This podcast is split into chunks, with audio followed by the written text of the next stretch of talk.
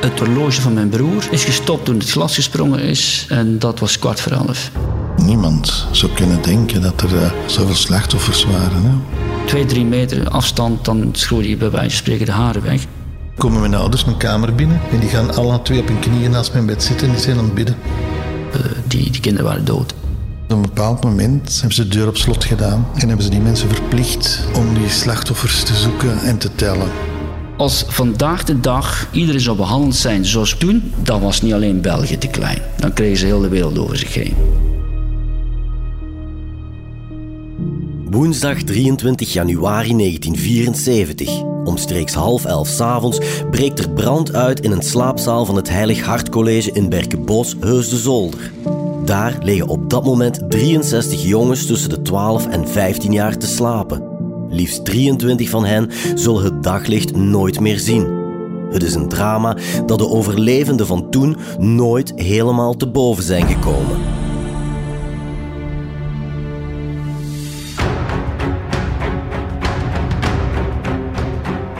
Van de Bijbelse apocalyps tot Hollywoodfilms over allesvernietigende catastrofes.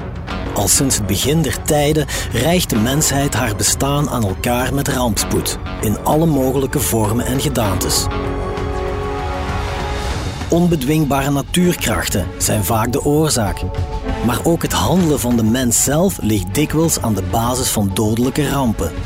Denk maar aan ontelbare oorlogen, of aan de miljoenen slachtoffers van branden, explosies en andere noodlottige ongevallen met een fatale afloop.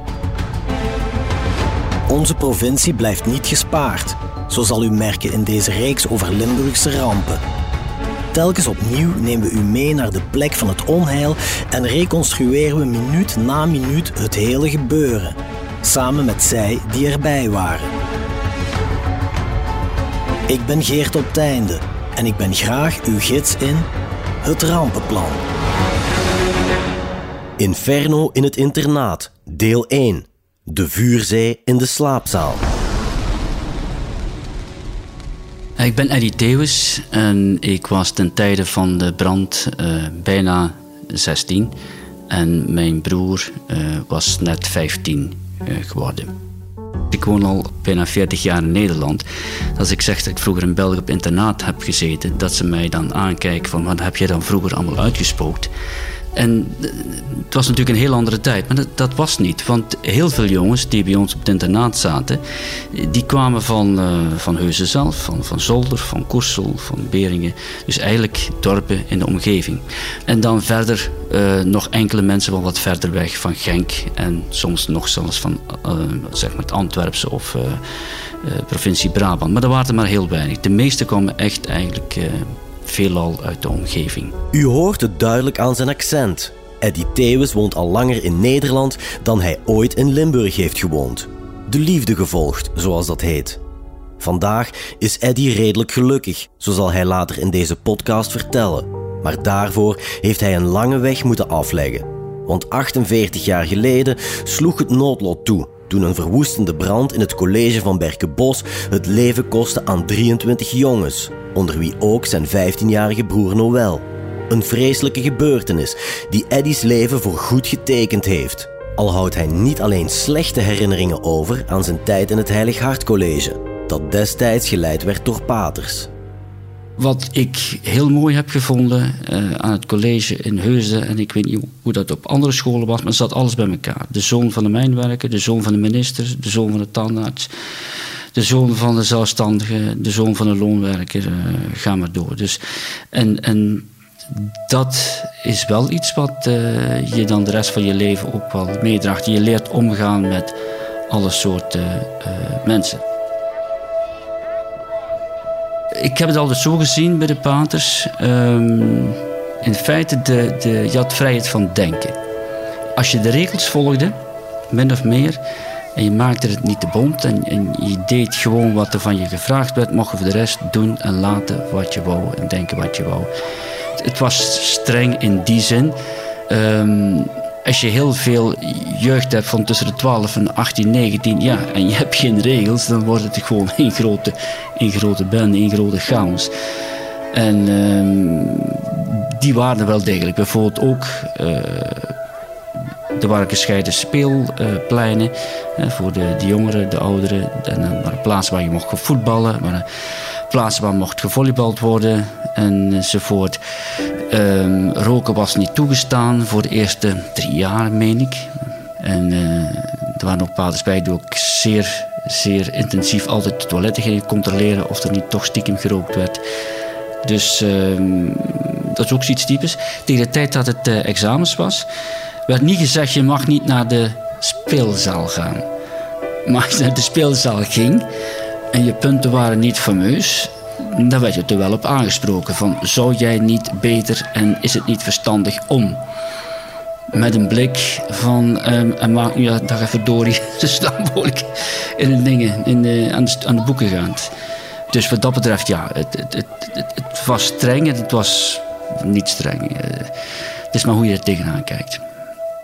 Mijn naam is Patrick de Klerk. Uh, ik woon uh, en leef in Antwerpen. Ik heb hier een kunstgalerij, WM Gallery. En in uh, 1974, of het schooljaar 1973-74, zat ik op het internaat, het Heilig Hart College, te Heuzenzolder. Ik was op het moment van de brand 13 jaar. Het schoolleven was Spartaans, heel streng. Maar daar ben ik pas te weten gekomen wanneer ik van school ben veranderd naar uh, Hasselt, naar het Hoger Handelsinstituut. Heb ik pas begrepen hoe streng en, en klassiek het was in het Heilig Hart College. Het school stond heel hoog aangeschreven, had verschillende hooggeplaatste personen. Uh, ja, oud-studenten zal ik zeggen, ministers en dergelijke. Dus het was een uh, elitaire school. Patrick de Klerk, die afkomstig is van Halen, slaapt samen met een zestigtal andere jongens in de zaal op de tweede verdieping. Een van hen is de 15-jarige Noël Theeuwis. Eddy, de broer van Noël, herinnert zich nog precies hoe de slaapvertrekken eruit zagen. Het eerste jaar heb ik geslapen in de uh, slaapzaal waar de brand is uitgebroken. Dat waren dus uh, houten chambretten met een gordijn voor de privacy ja, een aantal rijen chambretten eigenlijk. En de koffers stonden achteraan. Uh, links was een ruimte. Er was ook nooduitgang, die bleek achteraf ook uh, geblokkeerd te zijn. En je had ook zo'n een, een, soort van, inderdaad, tapijtje. Hè, van, anders natuurlijk met de blote voeten. En je had een, um, een kastje uh, en, een, en een bed. En boven was er ook nog een kast. Want ik herinner me, dat waren we natuurlijk niet gewend, een kast net boven je hoofd. En s'morgens werd dan de bel dus de bel waar men de klepel van verdwenen is, een tijd voordat de, de brand is uitgebroken. Dus er werd die, die bel geluid. Nou, iedereen schrok zich natuurlijk helemaal uh, wezenloos. Ik herinner me nog, joh, bam, bam, bam, bam, hoor iedereen natuurlijk met zijn kop, zijn kop tegen die kast.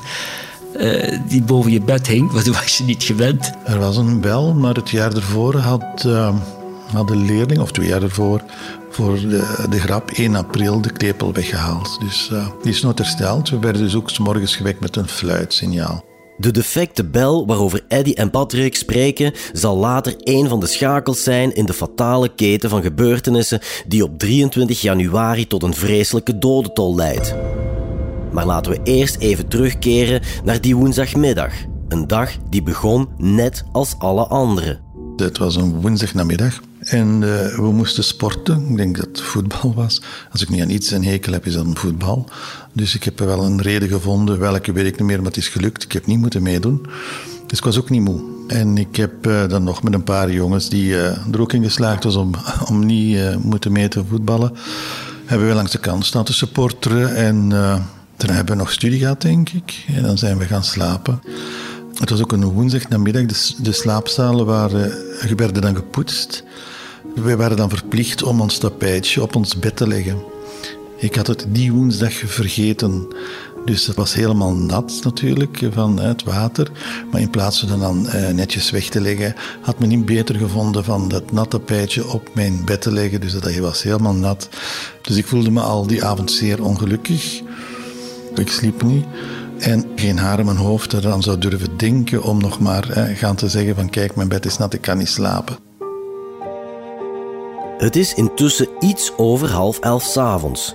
Het is stil in de houten chambretten en de pater surveillant van dienst verlaat zoals gewoonlijk voor een kwartiertje de slaapzaal om in de refter iets te gaan eten. De meeste leerlingen liggen immers al diep te slapen, doodmoe na een hele namiddag sporten. Maar Patrick, die is wel nog wakker. Met dank aan het drijfnatte tapijtje dat de poetshulp die middag op zijn bed heeft gelegd. En dan hoort hij plots luid geschreeuw. Ik heb een pater horen roepen. Dat was leraar wiskunde. De naam gaat mij. Uh, dat we zo snel mogelijk moesten naar beneden gaan. Dan heb ik het lawaai gehoord. We zijn naar beneden gelopen. Ik heb een van de slachtoffers gezien die nu nog leeft. Die zat al aan de kant.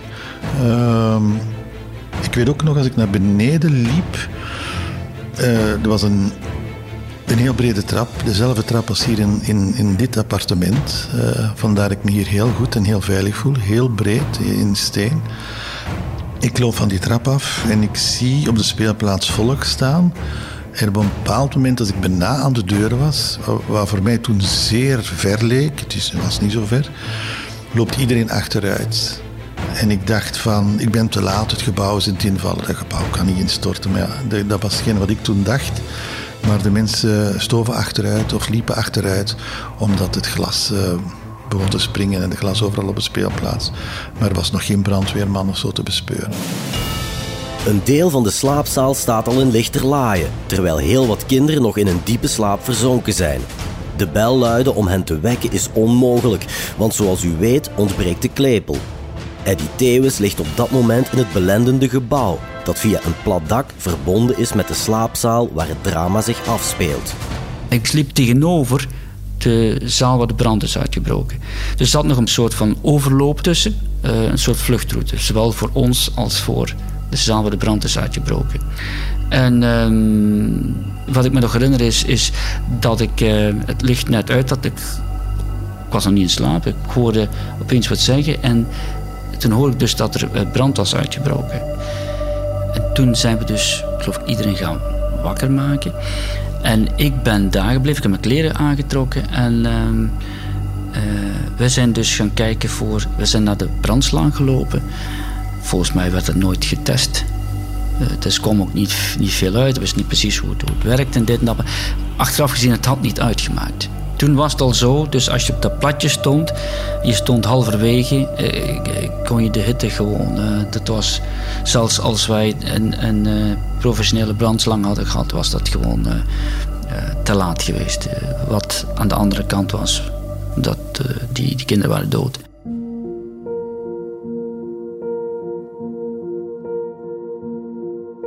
Buiten het vuur hoorde je ook niks. Je hoorde ook geen geroep. Heel onwezenlijk eigenlijk. Maar zover als ik mij kan herinneren, hebben wij niks gehoord van geschreeuw. Ik, ik, wist dat mijn broer in die slaapzaal, uh, ja, dat zijn slaapzaal was. Ik wist niet dat mijn broer dus uh, dat, dat, überhaupt dat er nog iemand was. En ik weet nog dat wij nog geprobeerd hebben om te blussen. Maar de hitte was toen al niet meer, te, dat was gewoon onder twee, drie meter afstand. Dan schroeide je bij wijze van spreken de haren weg. En achteraf gezien heb ik dus op twee, drie meter van mijn broer en zijn beste vriend Alain Blankaart gestaan. Die lagen dus aan de andere kant, dus net achter het, het raam. Ze hebben het raam niet opengekregen, ze zijn daar dus gestorven. En dat is wel een uh, iets waar je dan toch wel uh, ja, eh, even een tijd mee worstelt eigenlijk. Van had je niet meer kunnen doen? En het antwoord is eigenlijk als je gezond verstand gebruikt, nee. Noël is overleden. Hij ligt samen met zijn beste vriend Alain en nog een derde jongen onderaan het geblokkeerde raam, op slechts enkele meters van zijn nietsvermoedende broer, die de brandslang aan de praat probeert te krijgen. Maar de hitte die is zo intens dat Eddie met zijn vrienden naar beneden vlucht. Als wij de trap afliepen en de trap helemaal naar beneden, kom je uit bij de oude speelzaal van eh, de jongeren. En uh, daar moesten we ons verzamelen op zeker moment. En uh, ja, dat is dan groezemoes en, en, en uh, ja, god, een hand en uh, brand en god, er is iets gebeurd. En is, is, is er iedereen eruit? Dat weet ik ook niet. dat soort dingen. En dan op zeker moment dan, omdat mijn broer er lag, maar ja, mijn broer die altijd waar de actie was. Dus het zou me niet verwonderen als die ergens had staan kijken of god het wat. En ergens, wat ik me nog herinner, had ik al het gevoel van dat het niet, niet, niet goed was. Ook Patrick de Klerk is intussen veilig beneden. En samen met enkele klasgenoten wordt hij opgevangen door de paters. We werden dan per klas apart uh, geroepen. Niemand die echt besefte hoe erg dat het was. En dan werden alle namen voor, uh, om te zien of iedereen er was. En dan was al duidelijk dat er een paar jongens niet aanwezig waren. Maar eigenlijk drong het mij dan nog niet door dat ze zouden kunnen overleden zijn.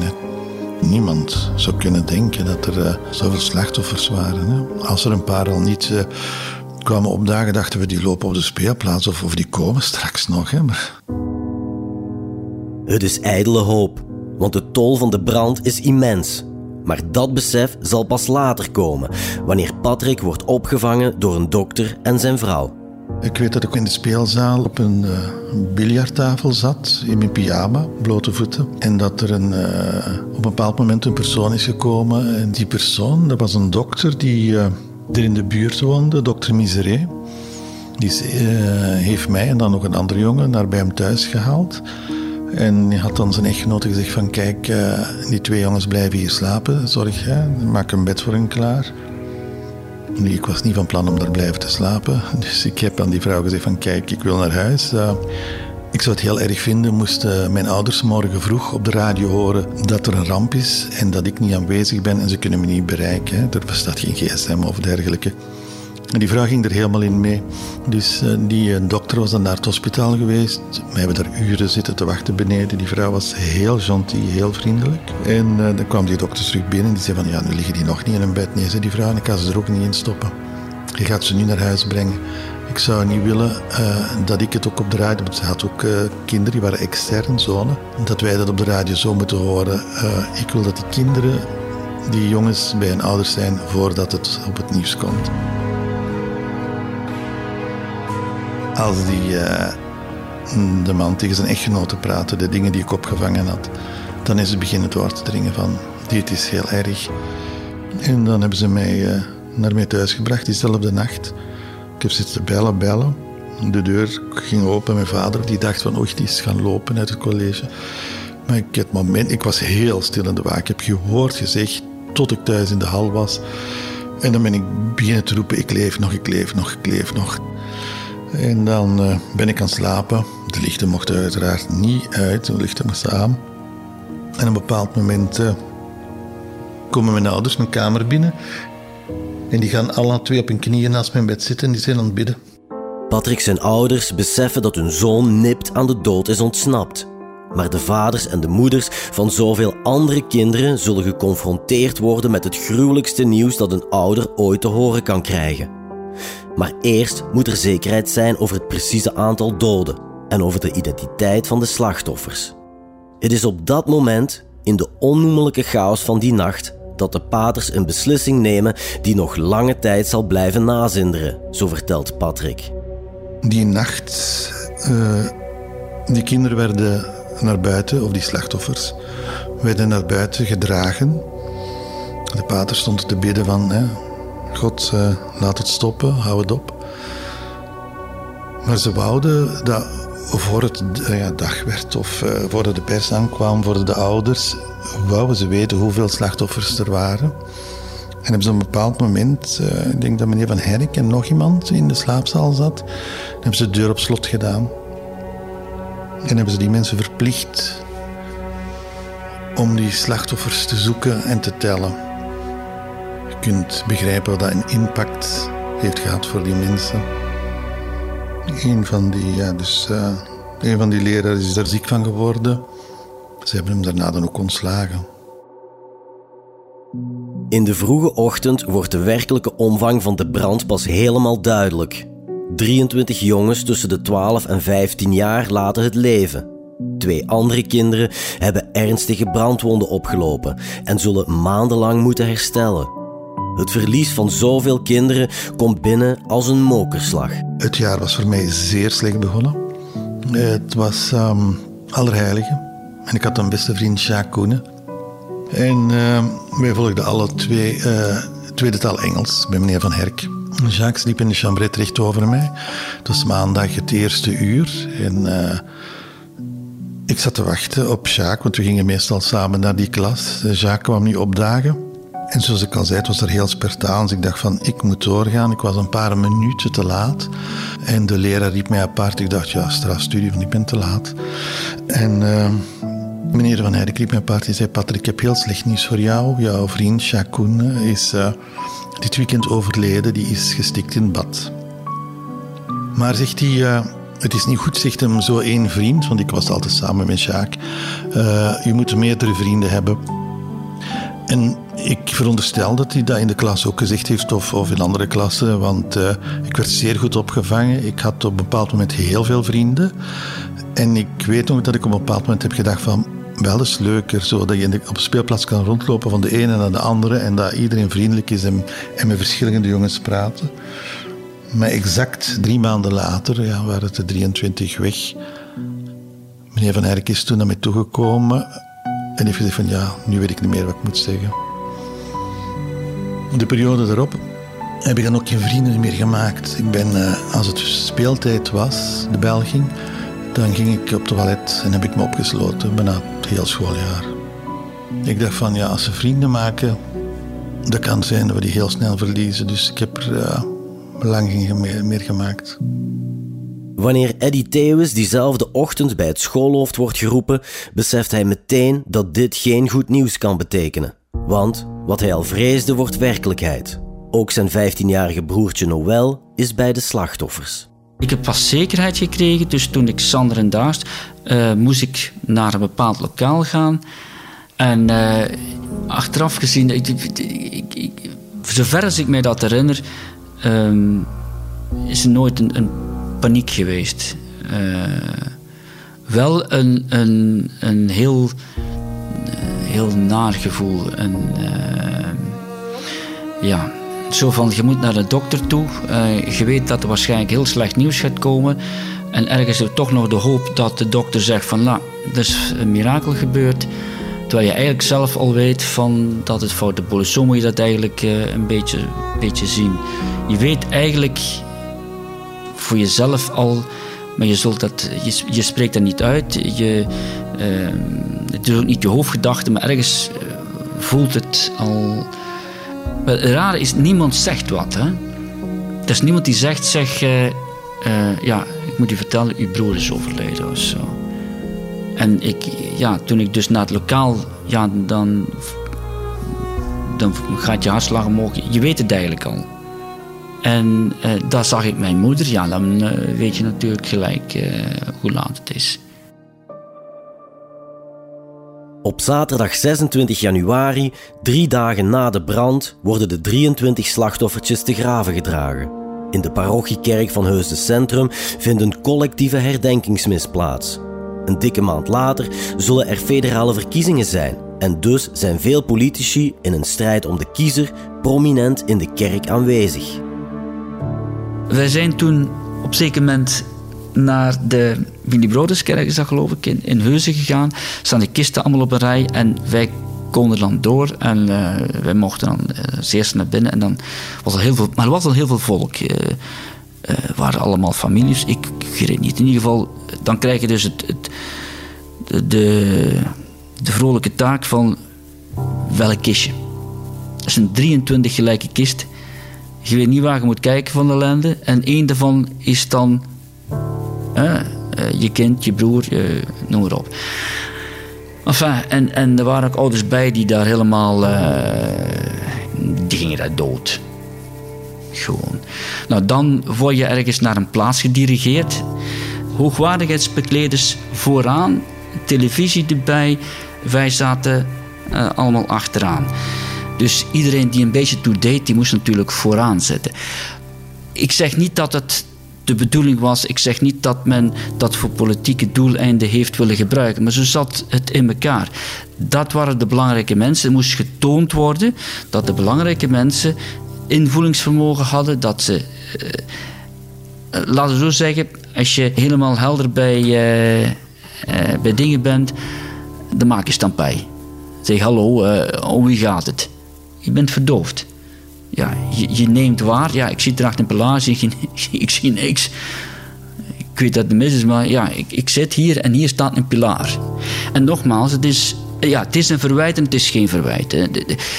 Dat was gewoon niet goed. Het was gewoon, uh, ja, sommige vlakken bij de beest af, zoals zouden ze zeggen. Maar die mensen hebben ook gehandeld naar, uh, naar gelang. Maar nogmaals, het, het, geeft, het, het geeft echt een, een tijdsbeeld van. Eh, laat zo zeggen, als vandaag de dag die brand zou geweest zijn en het zou behandeld zijn, iedereen zou behandeld zijn zoals toen, dan was niet alleen België te klein. Dan kregen ze heel de wereld over zich heen. Ja, ik wist op die moment, ik was 13 jaar, ik wist niet wie minister was of dergelijke. Maar ik heb uh, wel gemerkt dat de laatste jaar studenten, die het wel op de hoogte waren, heel boos waren. Ook, die waren ook boos op de journalisten, omdat uh, heel onrespectvol tussen de kisten werd gelopen en gefilmd. En, uh, het was een andere tijd, het was de prehistorie. Pas tientallen jaren na de brand, in 2016, komt Eddy te weten hoe zijn broer aan zijn einde is gekomen. Wanneer de Nederlandse televisie in een aflevering van de reunie het drama in Berkenbos reconstrueert, samen met een aantal overlevenden van toen. Daar vertelt een van Noëls toenmalige vrienden wat er zich die nacht precies heeft afgespeeld. Wat er nou precies is en met wie en wat, weet je niet. Tot dus het verhaal bevestigd werd en dat ik dus ook het, hele verhaal kreeg van een van uh, die jongens. En die zei: Ja, uh, Noël en ik, wij zijn dus uh, opgestaan. en toen zei we moeten maken dat we hier wegkomen, want we weten wat allemaal is. En Noël zei: Dat goed, dan ga ik ondertussen even de. een paar anderen. En toen ging, is hij dus Alain gaan wakker maken. En wat ik begrepen heb, is die spuitbus ontploft. En toen stond binnen, um, ja, in no time stond alles licht te laaien. En begon alles heel zwaar te roken. Dus uh, ze hebben dat raam niet opengekregen. En ze konden ook niet terug, want het is ook zo. Je raakt echt, als je even je hoofd er niet bij hebt... en je zo even een paniek, je weet niet meer waar je zit. Je, je raakt echt gedesoriënteerd. Ik kan me voorstellen dat die jongens zijn naar het raam gekomen, niet opengekregen... en die konden gewoon geen kant, uh, geen kant meer op. En, en dat is wat er eigenlijk uh, uh, gebeurd is. Ik heb het horloge liggen van mijn broer. Is gestopt uiteraard toen het glas gesprongen is. En dat was kwart voor elf. En toen was hij dood. Die wijzerplaat, die, die, dat is allemaal... Uh, er is nooit wat mee gebeurd. Dat staat nog steeds op het uur dat het horloge kapot is gegaan. Ah, heel dramatisch, staat stil om kwart voor elf ongeveer. Dus de tijd dat mijn, was mijn broer waarschijnlijk al, al dood. Maar een veel tastbaarder bewijs is. Ik zal het anders laten zien. Dit krijg je dus terug van de staat der Belgen. En dat is voor mij tastbaar. Dus dat zijn, weet ik veel, brandjes, dingen die in de portemonnee zaten. Uh, toen ik dat kreeg, het rook nog gewoon naar brand. En dat moet ik zeggen, dat was nogal confronterend. Dit was voor mij echt absoluut heftig. Oké, okay, uh, de loge geeft aan dat mijn broer is iets voor kwart voor elf gestorven. De loge is kapot gegaan kwart voor elf door de, door de hitte. Maar voor mij is dat, die, die, die verbrande, verkoolde stukjes papier... waar nauwelijks nog op te lezen is wat het is... dat is voor mij de brandneusde. Morgen in deel 2 van Inferno in het internaat. We zwijgen de dood, dan gaat alles wel goed komen. Zijn we dan allemaal doof geweest? Heel de brand hebben ze proberen te doen vergeten. Het is toch wel uh, soms wrang. Er bestond niet psychologische hulp, er was, er was niet heel, er was geen hulp. Ja, dat waren echt uh, emotioneel uh, heel geladen momenten, ja. Dat kun je niet wegdenken, dat blijft. De paters zijn er niet correct mee omgegaan. Voor die dodentol, daar is een structureel reden voor. Als dan. Het is niks als dan.